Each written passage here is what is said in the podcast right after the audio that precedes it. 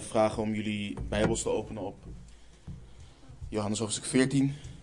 Laten we bidden en uh, vervolgens de, de tekst induiken. Machtige Vader, we danken u, Heer. U die heerst en uh, hoog troont, Heer, boven de hoogste hemelen, Heer. Dank u dat u zo goed bent. En Vader, we bidden zo we onze aanbidding voortzetten, ook door uw woord te lezen, te horen, te verklaren, Heer. Bidden we dat u het bovennatuurlijke werk zal doen, Heer. Dat u ons zal heiligen. En dat u doet wat u behaagt, Heer. Neem iedere vorm van afleiding bij ons vandaan. Geef ons oren om uw woord te horen. En geef ons een hart ook. Om niet alleen hoorders te zijn, maar ook daders van uw woord. Troost wie getroost moet worden. Bemoedig wie bemoedigd moet worden. En ook zo met uw vermaning en alles wat u goed acht, Heer, voor uw kinderen. We bidden, we vragen en danken in Jezus' naam. Amen. Ik wil uh, uh, heel hoofdstuk 14 met jullie lezen. En uh, het gaat ons natuurlijk om de ik ben uitspraak, maar het is gewoon goed om de hele context daarvan, daarvan te lezen. Dus we beginnen gewoon bij vers 1 en lezen het hele hoofdstuk lezen we, lezen we door. We lezen het woord van de Heer. Laat uw hart niet in beroering raken. U gelooft in God, geloof ook in mij. In het huis van mijn vader zijn veel woningen. Als dat niet zo was, zou ik het u gezegd hebben. Ik ga heen om een plaats voor u gereed te maken. En als ik heen gegaan ben en plaats voor u gereed gemaakt heb, kom ik terug en zal u tot mij nemen. Opdat u ook zult zijn waar ik ben. En waar ik heen ga, weet u, en de weg weet u. Thomas zei tegen hem: Heere, wij weten niet waar u heen gaat. En hoe kunnen wij de weg weten? Jezus zei tegen hem: Ik ben de weg, de waarheid en het leven. Niemand komt tot de Vader dan door mij. Als u mij gekend had, zou u ook mijn Vader gekend hebben. En van nu af kent u hem en hebt u hem gezien. Filippus zei tegen hem: Heere, laat ons de Vader zien en het is, genoeg, en het is ons genoeg. Jezus zei tegen hem: Ben ik zo'n lange tijd bij u en kent u mij niet, Filippus? Wie mij gezien heeft, heeft de Vader gezien. En hoe kunt u dan zeggen: Laat ons de Vader zien? Gelooft u niet dat ik in de Vader ben en de Vader in mij is? De woorden die ik tot u spreek, spreek ik niet uit mijzelf, maar de Vader die in mij blijft, die doet de werken. Geloof mij dat ik in de Vader ben en de Vader in mij is. En zo niet, geloof mij dan om de werken zelf. Voorwaar, voorwaar, ik zeg u, wie in mij gelooft, zal de werken die ik doe ook doen, en hij zal grotere doen dan deze. Want ik ga heen naar mijn Vader. En wat u ook zult vragen in mijn naam, dat zal ik doen, opdat de Vader in de Zoon verheerlijk zal worden. Als u iets vragen zult in mijn naam, ik zal het doen. Als u mij lief hebt, neem dan mijn geboden in acht. En ik zal de Vader bidden, en hij zal u een andere trooster geven, opdat hij bij u blijft tot in eeuwigheid. Namelijk de geest van de waarheid die de wereld niet kan ontvangen, want zij ziet hem niet en kent hem niet, maar u kent hem, want hij blijft bij u en zal in u zijn. Ik zal u niet als wezen achterlaten. Ik kom weer naar, ik kom weer naar u toe. Nog een korte tijd en de wereld zal mij niet meer zien, maar u zult mij zien, want ik leef en u zult leven. Op die dag zult u inzien dat ik in mijn Vader ben en u in mij en ik in u. Wie mij geboden heeft en die in acht neemt, die is het die mij lief heeft. En wie mij lief heeft, hem zal mijn Vader lief hebben. En ik zal hem lief hebben en mijzelf aan hem openbaren. Judas, niet de Iscariot, zei tegen hem: Heere, hoe komt het dat u zichzelf aan ons zult openbaren en niet aan de wereld? Jezus antwoordde en zei tegen hem: Als iemand mij lief heeft, zal hij mijn woord in acht nemen, en mijn vader zal hem lief hebben, en wij zullen naar hem toekomen en bij hem intrek nemen. Wie mij niet lief heeft, neemt mijn woorden niet in acht. En het woord dat u hoort is niet van mij, maar van de Vader die mij gezonden heeft. Deze dingen heb ik tot u gesproken, terwijl ik bij u verblijf. Maar de trooster, de Heilige Geest, die de Vader zenden zal in mijn naam, Die zal u in alles onderwijzen en u in herinnering brengen alles wat ik u heb gezegd. Wat ik u gezegd heb, sorry. Vrede laat ik u, mijn vrede geef ik u, niet zoals de wereld die geeft, geef ik die u. Laat uw hart niet in beroering raken en niet bevreesd worden. U hebt gehoord dat ik tegen u gezegd heb: Ik ga heen, maar kom weer naar u toe. Als u mij lief had, zou u zich verblijden, omdat ik, u, omdat ik gezegd heb: Ik ga heen naar de Vader, want mijn Vader is meer dan ik. En nu heb ik het u gezegd, voordat het zal gebeuren, opdat, wanneer het gebeurt, u zult geloven. Ik zal niet veel meer met u spreken, want de vorst van deze wereld komt en heeft geen macht over mij. Maar de wereld moet weten dat ik de Vader lief heb en doe zoals de Vader mij geboden heeft. Sta op, laten wij hier vandaan gaan.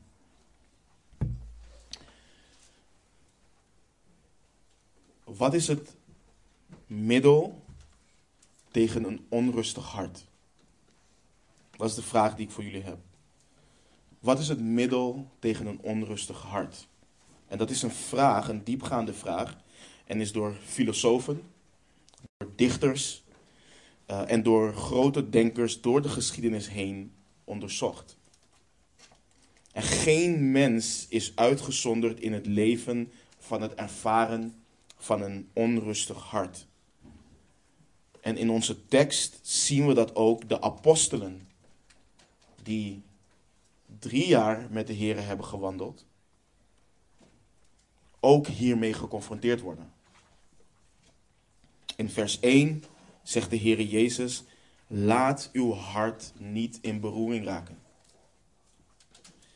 En voor we er dieper op ingaan, en voor we dieper op ingaan op de reden dat hun hart in beroering is geraakt, is het goed om te weten wat het woord beroering betekent. Het is niet, het is niet een woord wat wij iedere dag gebruiken in onze Nederlandse taal.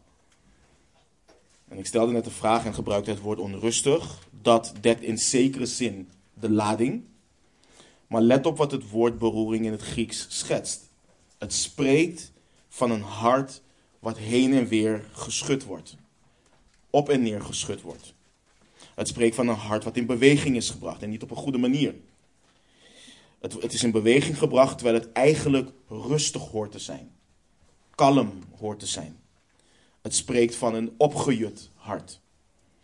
Een hart wat helemaal verbijsterd is. Een hart wat vol van pijn en verdriet is. En waarom is dat zo voor de discipelen, voor de apostelen? Nou, weten jullie nog, als het ware, en als je als je het evangelie van Johannes hebt gelezen, hoe de Heere Jezus en ook andere evangeliën, hoe de Heere Jezus langs de zee van Galilea liep en twee broers zag en ze riep. Simon en Andreas. Hij komt, hij zegt tegen hen, kom achter mij aan en ik zal u vissers van mensen maken. Vervolgens riep hij twee andere broers, Jacobus en Johannes, de zonen van Zebedeus. Hij riep hen, zij lieten meteen het schip en hun vader en alles lieten ze achter en ze volgden de Heere Jezus. En zo riep hij zijn discipelen één op één. En komt er op een gegeven moment een punt in de bediening van de Heere Jezus, waarin Petrus beleidt nadat de Heere hem gevraagd heeft wie zij denken dat hij is. Dan zegt Petrus, u bent de Christus, de Zoon van de levende God. Deze mannen hebben alles achtergelaten volledig ervan overtuigd dat ze hem hebben gevonden van wie Mozes in de wet geschreven heeft. En ook de profeten. Dit is de Messias. Dit is de Christus. Hij die komen zou in de wereld. En nu zitten ze in een bovenkamer waarin de Christus hun zegt dat één van hen hem zal verraden. Vervolgens horen ze hoe moedig Petrus zegt dat hij zijn leven zal geven voor de Heer. De Heer Jezus zegt, voorwaar, voorwaar, ik zeg u. De haan zal niet kraaien voordat u mij driemaal verlogen zult hebben. En probeer een beetje de dynamiek te begrijpen. Dit is Petrus te midden van de anderen. Hij nam altijd het voortouw. Hij stond altijd op de voorgrond. Hij was de moedige Petrus. En dan zegt je zaligmaker, je zult mij driemaal verloochenen. Ze hebben meerdere malen gehoord, als je de evangelie leest, dat hij hen zal verlaten. Hij zal overgeleverd worden en hij zal sterven. Voor ons, voor, weet je, wij die dit lezen, kunnen tot op een bepaald punt begrijpen hoe de discipelen zich voelden. Maar het gaat echt tot een bepaald punt. Wij weten niet hier hoe het is om fysiek met Christus op aarde te wandelen. Wij kunnen niet hetzelfde zeggen wat Johannes schreef in zijn eerste brief. Wij verkondigen u wat wij gehoord hebben, wat wij gezien hebben met onze ogen, wat wij aanschouwd hebben en onze handen getast hebben. Het woord des levens. Wij kunnen niet zeggen, net zoals Petrus schrijft, maar wij zijn ooggetuigen geweest van zijn heerlijkheid. Van zijn majesteit. Maar wat we allemaal delen als discipelen, is dat onze harten vaak in beroering raken. Of in beroering raakt. En wat is dan het middel daartegen? En als jullie hebben meegelezen en meegeluisterd, hoop ik dat jullie inzien dat de Heere Jezus, en dit is zo belangrijk, hij, hij zweept hun niet, hij verwijt hen niet van het feit dat hun hart in beroering is geraakt. Dat is niet wat hij doet. Als je dit hoofdstuk leest, als je erop mediteert, dan zie je dat de Heere Jezus, wat doet hij? Hij troost en hij bemoedigt hen. Hij troost en bemoedigt hen. En waarom ik dit aanstip is, en misschien heb ik het vorige week al op een andere manier gezegd, maar niemand sterft, zoals zijn studie ook, niemand sterft door herinnering en herhaling. Wij moeten als beleidende discipelen ervoor waken dat we hen, waarvan hun harten in beroering is geraakt, niet verdoemen, omdat hun hart in beroering is geraakt. Hoe vaak hoor en zie je dit niet in kerkelijke kringen? Vertrouwt hij of zij wel op de Heer? Is hij of zij wel een discipel? Want als je een discipel bent, dan kan het niet zo zijn dat je hart zo onrustig is. Het kan niet zo zijn dat je zoveel verdriet en onrust ervaart. We zijn gered. We kennen de waarheid. De Heere God is soeverein, hij zit op de troon, hij regeert, hij laat je hier doorheen gaan. Dus wees verheugd. Dit hoor je veel. En alhoewel al die dingen waar zijn, al die dingen zijn waar. Hij laat je hier doorheen gaan. Maar we moeten het hart toetsen achter deze uitspraken. De Heere verwijt hen namelijk niets in deze tekst. Maar, en dit is belangrijk voor ons, hij spoort hen wel aan. Hij spoort hen aan, hij bemoedigt hen, hij zegt, laat je hart niet in beroering raken. Dat is wat hij doet. En Jacobus doet bijvoorbeeld hetzelfde in zijn brief. Let op Jacobus 1, vers 2 en 4. We kennen deze tekst. Acht het enkel vreugde, mijn broeders, wanneer u in allerlei verzoeking, verzoekingen terechtkomt want u weet dat de beproeving van uw geloof volharding teweeg brengt. Maar laat die volharding ook volledig mogen doorwerken, opdat u volmaakt bent en geheel oprecht en in niets tekort schiet. Zegt Jacobus hier, hoe kan het dat jullie geen vreugde achten? Jullie kleingelovigen en ga zo maar door. Dat is niet wat hij doet. Hij bemoedigt hen, hij wijst hen op de waarheid. Hij spoort hen aan. Dit is wat je moet doen. Dit is hoe je dit hoort te zien. En dat is ook wat we in onze tekst van vandaag zien. En als we in één zin moeten samenvatten wat het middel is tegen een hart in beroering, dan leert onze tekst ons het volgende. Geloof in Jezus Christus en zekere hoop in zijn beloften zijn het middel tegen een hart in beroering. Geloof in Jezus Christus en zekere hoop in zijn beloften zijn het middel tegen een hart in beroering. En ik weet, het klinkt simplistisch, het klinkt eenvoudig, het is ook christelijk om te zeggen. En ik weet dat het in onze gedachten kan komen, ja, maar hoe verzoen je dat met de praktische realiteit waarin ik leef? De zaken waar, waarmee ik te maken heb. Een ongelovige partner, ongelovige en rebellerende kinderen. Een verschrikkelijke baan, een chronische ziekte, problemen in de familie, problemen in mijn huwelijk, financiële problemen, wat voor onzekerheid dan ook. Eenzaamheid en ga zo maar door. Hoe kun je dan zeggen dat geloof in Jezus Christus en zekere hoop in zijn belofte de middelen zijn tegen mijn hart in beroering? En wat ik wil dat we allemaal realiseren is als volgt. Jullie kennen volgens mij allemaal in het Engels de roodletterbijbel. Hè? De meeste woorden die we zojuist in dit hoofdstuk hebben gelezen, staan in het rood in die Bijbels. Ik hoef dat niet als voorbeeld te gebruiken, maar wat ik simpelweg wil zeggen is: dit zijn de woorden van onze zaligmaker.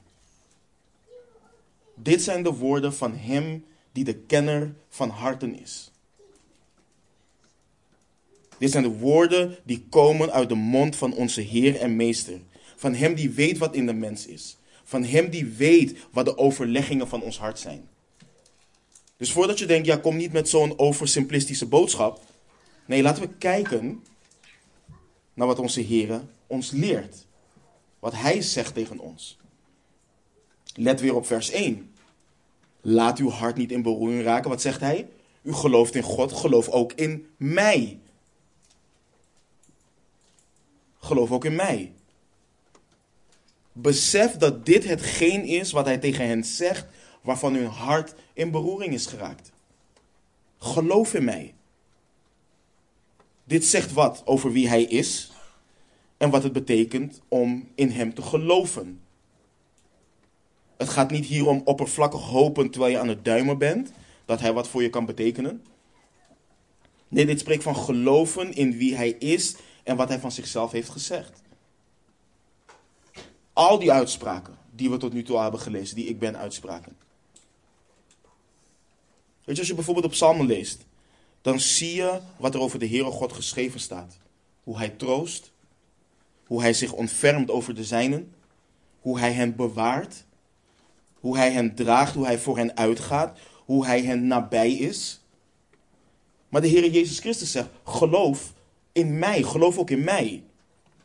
Geloof ook in de Zoon. En waarom? Want die hoop, die troost, die ontferming, zijn nabijheid. De Heer Jezus Christus maakt duidelijk dat die er zijn in en door Hem. In en door Hem. Wie Hem heeft gezien, heeft de Vader gezien, zegt hij in vers 9. Hij is in de Vader en de Vader is in Hem, zegt hij in vers 10. Hij claimt, hij beweert een eenheid, een intimiteit met de Vader die niemand anders ooit heeft kunnen claimen. Mozes was een groot man, was, was een groot man, Jeremia en Jesaja waren grote mannen. Maar er is maar één die kan zeggen, wie mij heeft gezien, heeft de Vader gezien. Dus geloof in mij. Continu door het evangelie van Johannes zie je hoe de Heere Jezus dit benadrukt. Als je Johannes 5 vanaf vers 19 leest, dan zie je hoe dit benadrukt wordt. Als je Johannes 10 leest en dan vers 30, ik en de Vader zijn één. Ik en de Vader zijn één. Er is niemand hier op aarde die dit heeft kunnen zeggen. Geen profeet, niemand. Als je het hoge priesterlijke gebed leest in Johannes 17, dan lees je die eenheid weer, die intimiteit. En de vraag is, waarom zou dat onze harten die in beroering zijn geraakt, juist troosten en kalm kunnen maken? Het is omdat hij is wie hij zegt te zijn. Door die eenheid, dat vers 13 van Johannes 14 zo krachtig is. Let op wat hij schrijft, of wat hij zegt. En wat u ook zult vragen in mijn naam, dat zal ik doen. Opdat de Vader in de Zoon verheerlijkt zal worden. Wat u ook zult vragen in mijn naam, dat zal ik doen, opdat de Vader in de Zoon verheerlijkt zal worden. Broeders en zusters, wij hebben geen hoop. Geen hoop voor onze harten in beroering. Als we niet door onze hoge priester die leeft en pleit voor ons in vrijmoedigheid tot de Vader kunnen naderen. Niet. Wij hebben geen hoop op verhoorde gebeden als wij niet door de Vader komen in de naam van de Zoon. Let op vers 14. Als u iets vragen zult in mijn naam, ik zal het doen. Ik zal het doen.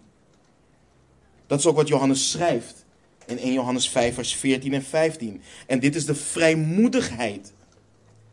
De vrijmoedigheid die wij hebben in het toegaan tot God, dat Hij ons verhoort telkens als wij iets bidden naar Zijn wil.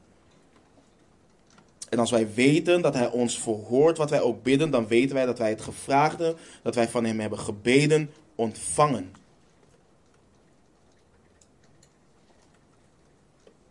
En dit leert ons dat het niet simpelweg gaat om het bidden. Hè, en we hoeven dat niet te zeggen, maar we zeggen het gewoon om onze eigen wil, voor ons eigen gewin.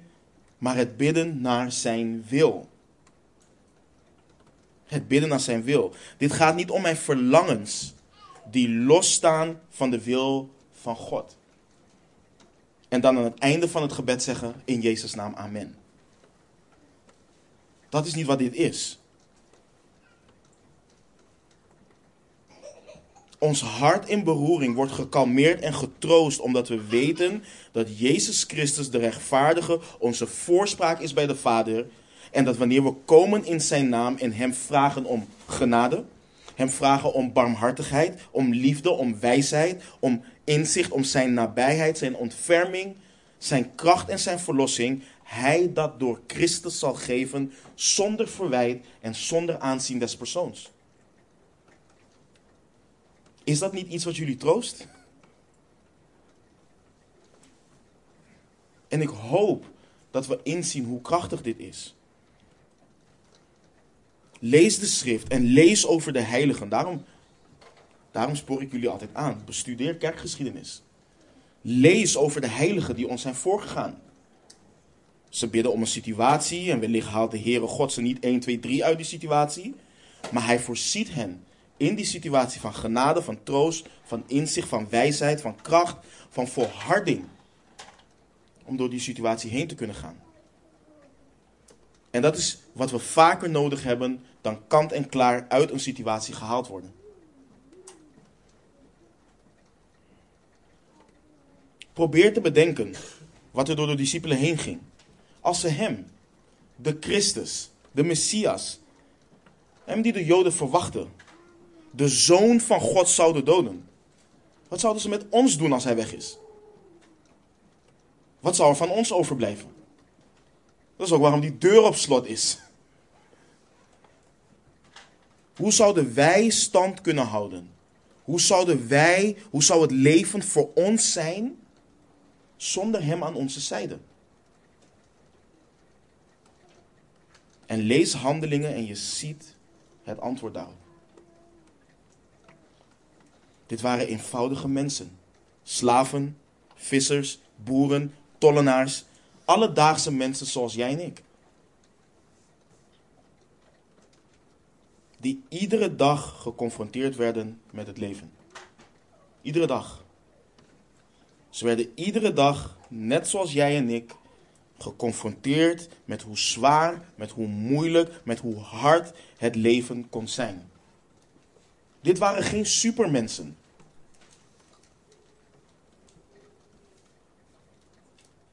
En te midden van dat heeft de Heer ze niet uit de wereld genomen en daar ook niet voor gebeden. Maar juist gebeden dat Hij hen en dat Hij ons bewaart voor de boze. Want waar gaat het om? Onze verzoening in en door Hem. Door Jezus Christus met God. En dit is het ook. Christus gaat een plek voor ze gereed maken en we komen daar zo op terug. Ze weten waar hij heen gaat, zegt hij in vers 4. En de weg weten ze ook, zegt hij. Maar Thomas, Thomas, die op dat moment niet geestelijk naar zaken kijkt, die zegt in vers 5: Heren, wij weten niet waar u heen gaat. En hoe kunnen wij de weg weten? En dan zegt de Heer Jezus in vers 6. Ik ben de weg, de waarheid en het leven. Niemand komt tot de Vader dan door mij. Ik ben de weg, de waarheid en het leven. Niemand komt tot de Vader dan door mij. Broeders en zusters, laat dit jouw hart troosten en kalmeren. Jouw zaligmaker is de weg. Hij wijst niet en zegt niet, dat is de weg die je moet bewandelen. Hij zegt niet, kies, want er zijn meerdere wegen. Uiteindelijk leiden ze allemaal naar de Vader, zoals velen ons willen leren. Nee, hij zegt, ik ben de weg. Hij alleen. Hij is niet een weg, hij is de weg. En als hij niet de weg is, is er geen weg. Zijn we daar dogmatisch over? Absoluut, want hij is er dogmatisch over. Niemand komt tot de Vader dan door hem. Hij is de weg. En je hebt mensen die hun eigen wegen willen bewandelen. Ze willen hun eigen weg bepalen. Ook zij die beleiden in Christus te geloven. Ja, ik geloof in God. En ze zeggen wel, ja, ik wil het wel. Ik heb wel het verlangen. Maar de weg waarover ze gaan is alles behalve Christus. En die weg is goed in hun eigen ogen, maar die weg leidt naar verderf. En het is zoals Spreuken ons leert. Spreuken 14, vers 12. Er is soms een weg die iemand rechts eh, schijnt, maar het einde ervan zijn wegen van de dood.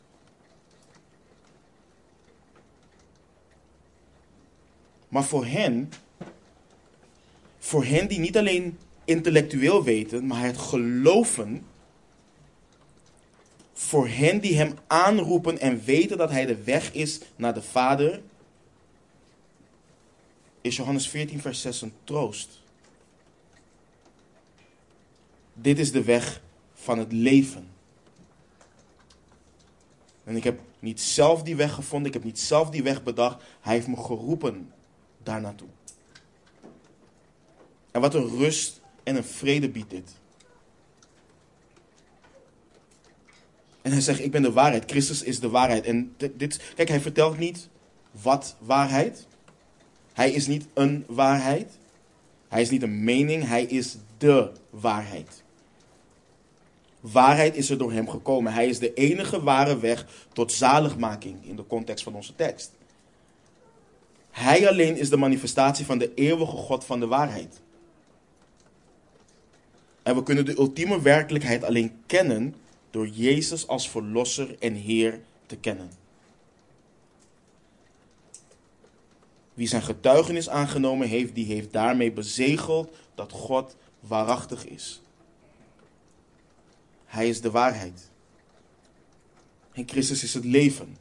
En we hebben hier veel bij stilgestaan. Ik kan niets anders dan het blijven herhalen. Waarom is het evangelie van Johannes geschreven? Waarom heeft de Heere God dit prachtige boek overgeleverd? Opdat u gelooft dat Jezus de Christus is.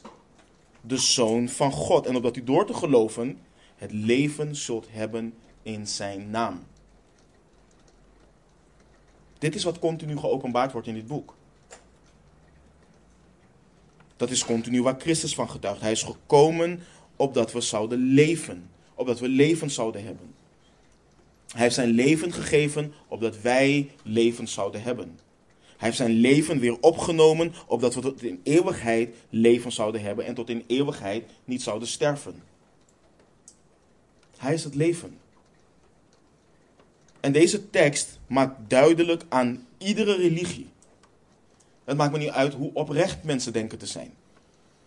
Ieder mens hier op deze aardbol dat redding alleen en alleen in Christus te vinden is. In niemand anders. Nergens anders in. En we kunnen ons beledigd en gekrenkt voelen dat er maar één weg is, dat er maar één waarheid is en dat er maar één is die het leven geeft. Maar dit draait niet om onze gevoelens. We dienen dankbaar te zijn en op onze knieën te gaan om de God die het leven is en, en, en, en Hem de eer en de glorie te prijzen voor het feit dat Hij de weg, de waarheid in het leven geboden heeft. Het is zoals Petrus zo prachtig zegt in Handelingen 4:12. En de zaligheid is in geen ander. Want er is onder de hemel geen andere naam onder de mensen gegeven waardoor wij zalig moeten worden. En laat het voor ons allen helder zijn. En laat het voor ons allen tot comfort en troost zijn. Laat het ons allen die Christus beleiden, vrede brengen dat Hij de weg, de waarheid en het leven is. Want broeders en zusters, dan kan ik rusten en kan ik zien op het volbrachte werk van Hem aan het kruis. Ik kom dan niet met mijn werken, die als een bezoedeld kleed zijn, maar ik wandel juist in de goede werken die God van tevoren bereid heeft. En dat zijn twee totaal verschillende dingen. Uit genade door het geloof.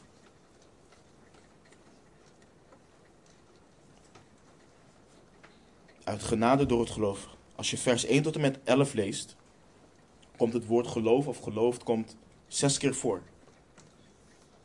Dit spreekt van vertrouwen. Vertrouwen. Laat je hart niet in beroering raken, maar geloof in Hem. Geloof in Hem die de weg, de waarheid en het leven is. Geloof in Hem door wie alleen je tot de Vader kan komen.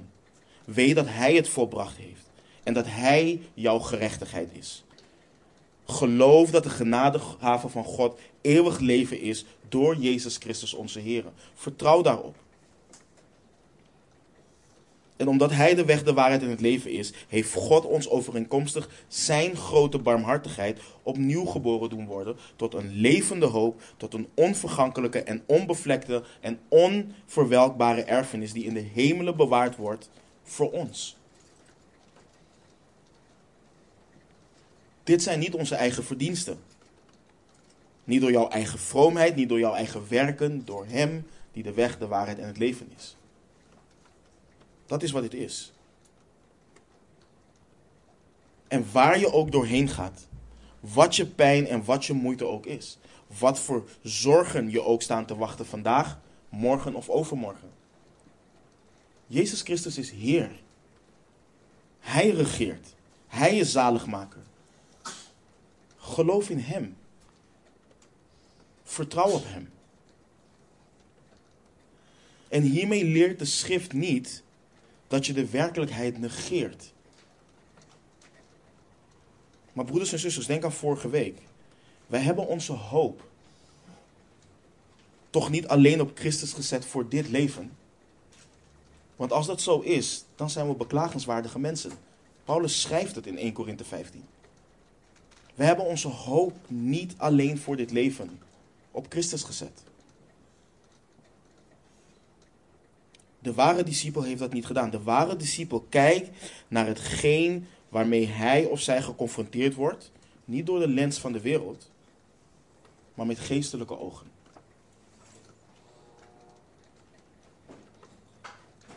Denk dus aan de zin waarmee we begonnen.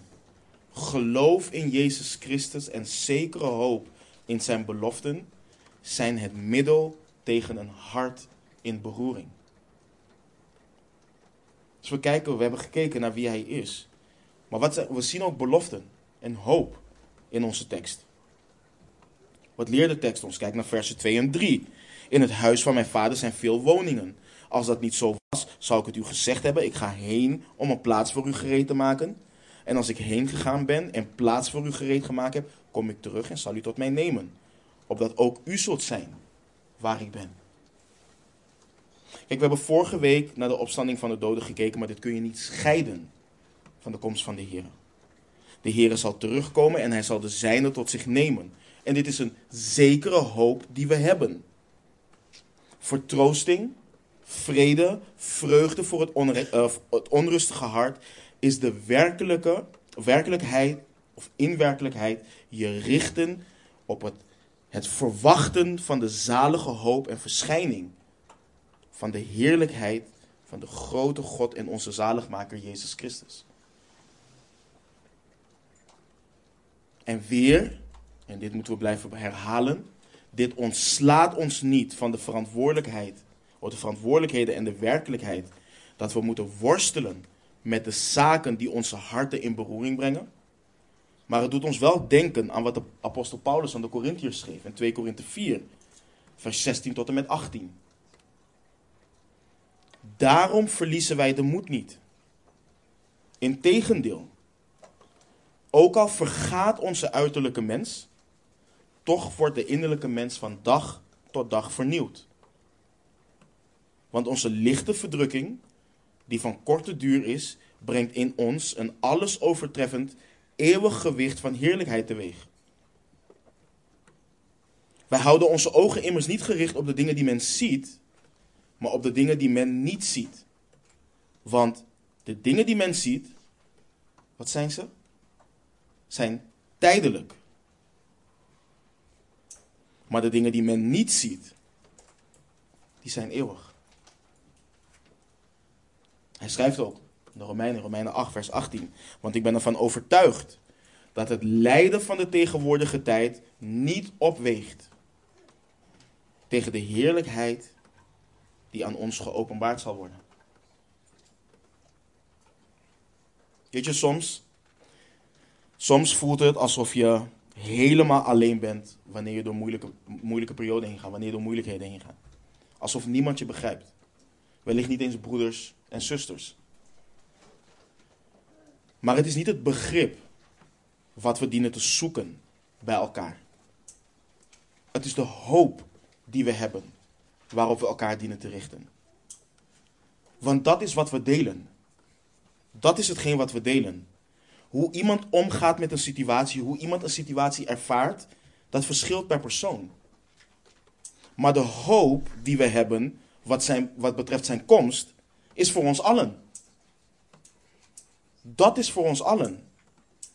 En daarom is het ook zo bemoedigend om te lezen hoe iemand als Paulus, met alles waar hij doorheen is gegaan, schrijft dat hij één, de moed niet verliest. Maar goed, als je denkt aan hetgeen waar Paulus doorheen ging, op zee, gestenigd. Door de genade van God kun je een kerk planten. En dan staan mensen in de gemeente tegen je op en die gaan tegen je apostelschap in. Kijk, velen van ons, wij kunnen bij ons met ons hoofd kunnen er niet bij wat dat voor Paulus betekende. Waar hij allemaal doorheen ging. Maar zo iemand schrijft, we verliezen de moed niet. We verliezen het niet. Twee, hij noemt zijn verdrukking licht. Terwijl ze je hebben gestenigd en voor dood hebben achtergelaten, noemt hij zijn verdrukking licht. En hij noemt het van korte duur. Terwijl ik voor, volgens mij voor ons allen kan spreken dat als wij door moeilijkheden heen gaan, dat het voelt als een eeuwigheid. Totdat het opgelost is. Maar Paulus zegt, ik verlies de moed niet. De verdrukking is licht. En het is van korte duur. Het is van korte duur. En hij kan dat alleen met zijn blik gericht op de toekomst.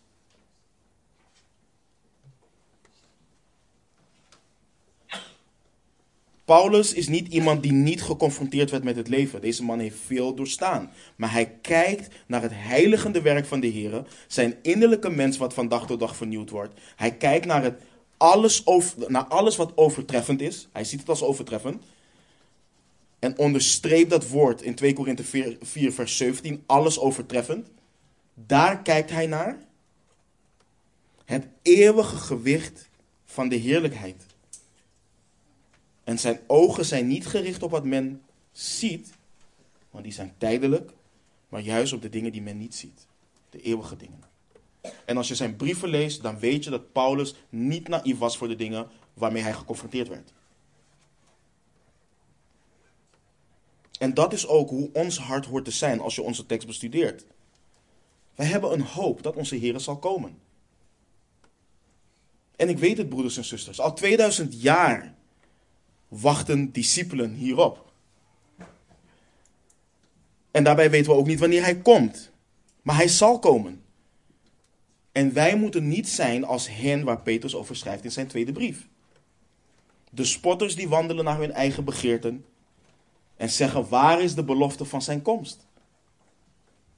We hebben die zekerheid dat hij komt omdat hij het gezegd heeft. En omdat hij uit de doden is opgewekt. Dat is een van onze beloften.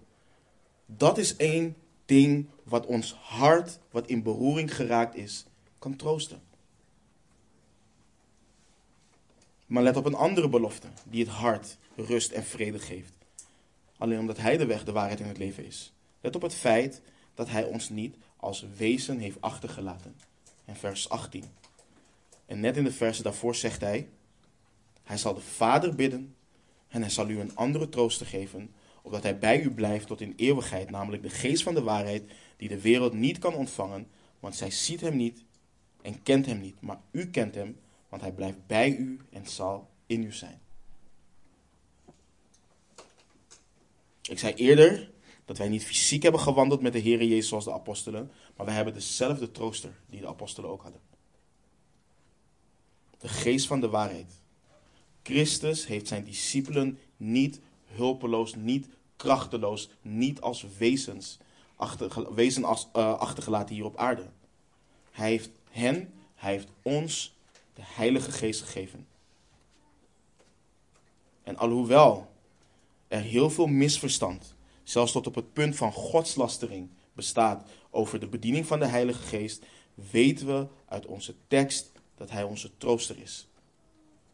In het Grieks parakletos, een helper, een raadgever, een vriend. En Hij is er niet omwille van ons, maar Hij is er voor ons omwille van Christus. Want wat Hij doet, dit is wat we allemaal altijd moeten begrijpen, wat de Geest doet, doet Hij om Christus te verheerlijken. Dus wanneer onze harten in beroering raken, is Hij er, is hij er, uh, er om ons te troosten, om ons te helpen, om ons te leiden op de weg die we moeten gaan, in de waarheid waarin we moeten gaan, tot het leven wat we dienen te leven. Waarom? Om Christus daarin en daardoor te verheerlijken.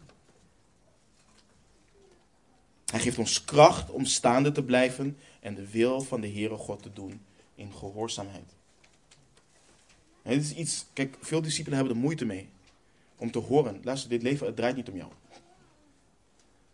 Nogmaals, de geest is er voor jou omwille van Christus.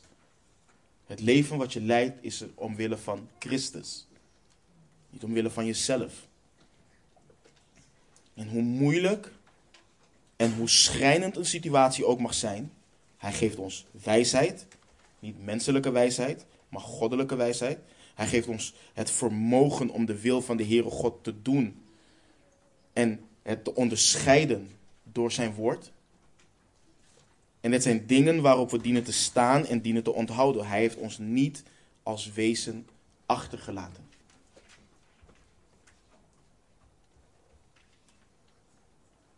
Let op nog een belofte. En ook alleen dit kan hij ons geven omdat hij de weg, de, uh, de waarheid in het leven is. Let op wat hij schrijft, of let op wat hij zegt in vers 27. Vrede laat ik u. Vrede laat ik u. Mijn vrede geef ik. Geef ik u. Niet zoals de wereld die geeft, geef ik die u.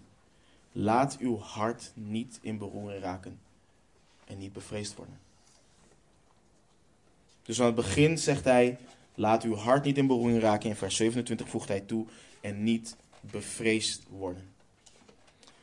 Het woord bevreesd spreekt van niet laf zijn. Niet laf zijn. Niet krimpen van angst in een situatie. Niet timide zijn, niet bang zijn.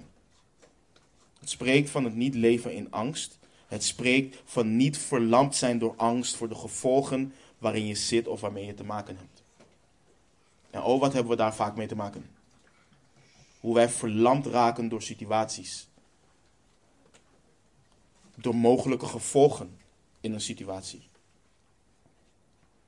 En dit woord in deze vorm wordt alleen in onze tekst hier gebruikt. En hij zegt: Wees niet bevreesd, want hij geeft ons zijn vrede. vrede. Niet zoals de wereld die geeft. Zijn vrede geeft hij. En wij denken bij vrede te vaak en te snel aan de afwezigheid van de problemen waarmee we geconfronteerd worden. Maar voor de Joden, voor de Israëlieten, had dit een veel diepere betekenis. Het was wat anders. Shalom. Het spreekt juist niet van de afwezigheid van problemen of conflict. Maar het spreekt juist van zegen, vooral in het licht van de relatie die je hebt met de Heer. Let bijvoorbeeld op Psalm 29, vers 11. De Heere zal zijn volk kracht geven. De Heere zal zijn volk zegenen met vrede. We weten dat het volk van God veel te maken heeft gehad met conflict en vervolging. Dan lezen we dit vers. Hij zal ze kracht geven, hij zal ze vrede geven. Het is zijn zegen, zijn ontferming, de relatie die we met hem hebben, uh, te midden van al deze dingen, wetend wie hij is, dat we vrede kunnen hebben. Dat we vrede hebben. Hetzelfde bijvoorbeeld hoe Aaron en zijn zonen het volk moesten zegenen in nummer 6, 24 tot met 26. De Heere zegene u en behoede u. De Heere doet zijn aangezicht over u lichten en zij u genadig. De Heere verheffen zijn aangezicht over u en geven u vrede. Vrede. En denk dan aan hoe de Heere Jezus, wetend waar al zijn discipelen doorheen zouden gaan, zegt: Vrede laat ik u. Mijn vrede geef ik u. Niet zoals de wereld die geeft, geef ik die u. Laat uw hart niet in beroering raken en niet bevreesd worden. En ook voor ons geldt dit, broeders en zusters. Hij heeft ons zijn vrede gegeven. Hij heeft ons zijn vrede gegeven. De vrede van Christus is er voor iedere discipel. Voor ieder persoon waarvan het hart, voor iedere discipel waarvan het hart in beroering is geraakt. En wat de basis is voor deze vrede is de intieme relatie van de Heer Jezus met de Vader. Je kunt letterlijk vrede ervaren in een storm wanneer je weet dat je volledig in de wil van de Vader leeft. Wanneer je hart gericht is op het koninkrijk van God. En, en onthoud, broeders en zusters, kijk, soms proberen mensen deze vrede te omschrijven. Hoe die vrede zou moeten voelen, hoe je het zou moeten ervaren. Dat je altijd rust voelt of ervaart. En men richt hiermee meer schade aan dan ze goed doen. Want Paulus leert ons dat het een vrede is die alle begrip te boven gaat. En dat is ook in de zin dat het ons begrip te boven gaat in hoe het werkt en hoe het voelt. En we moeten waken ervoor dat we niet werelds kijken naar vrede. Daarom ben ik dankbaar dat de Heer Jezus de waarheid is. Dat houdt in, ik dien Hem te geloven. Als Hij zegt dat Hij mij zijn vrede heeft gegeven, dan moet ik dat geloven. Ik dien het niet primair te voelen, ik dien Hem te geloven. En Hij heeft gezegd, Hij laat zijn vrede na. Komt dat iedere keer op dezelfde manier tot uiting? Nee. Want de ene keer zing je tot de Heer in een vieze donkere kerker terwijl je net op de markt gezweept bent. Zoals de apostel Paulus. En de andere keer vlucht je weg uit een stad omdat je vervolgd wordt. In beide gevallen geeft Christus jou zijn vrede. In beide gevallen. Gods vrede is niet te verstaan in hoe de wereld zend zijn verstaat. Dat is niet Gods vrede. Daar heeft hij het niet over. In de basis geeft hij ons vrede in het feit dat we verzoend zijn met God. In het feit dat hij ons een trooster geeft. In het feit dat we in zijn naam tot de Vader bidden en hij zal het doen. In het feit dat hij zal komen en ons tot zich zal nemen. In het feit dat de geest ons leidt in heel de waarheid in de zekerheid die ik heb wat betreft mijn zaligmaking in wie Hij is.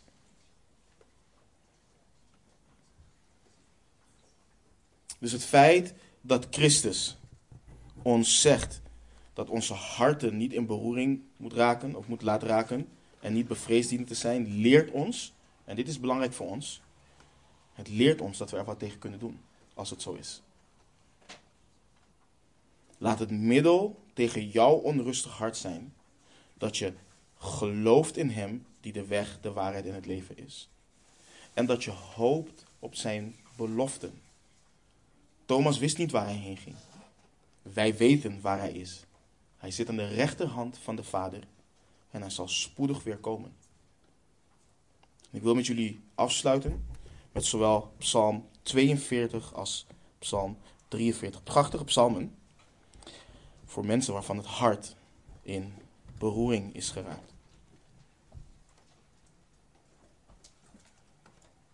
Mocht jouw hart nu in beroering zijn, mocht je bevreesd zijn, dan hoop ik en bid ik dat deze woorden je geloof in Christus en de hoop op zijn beloften versterkt. Ga in je Bijbel alsjeblieft naar Psalm 42 en dan lezen we het helemaal en dan lezen we ook heel Psalm 43.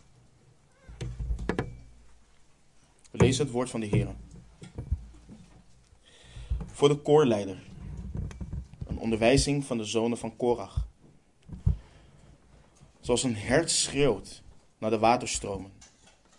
Zo schreeuwt mijn ziel tot u, o God. Mijn ziel dorst naar God, naar de levende God. Wanneer zal ik binnengaan om voor Gods aangezicht te verschijnen?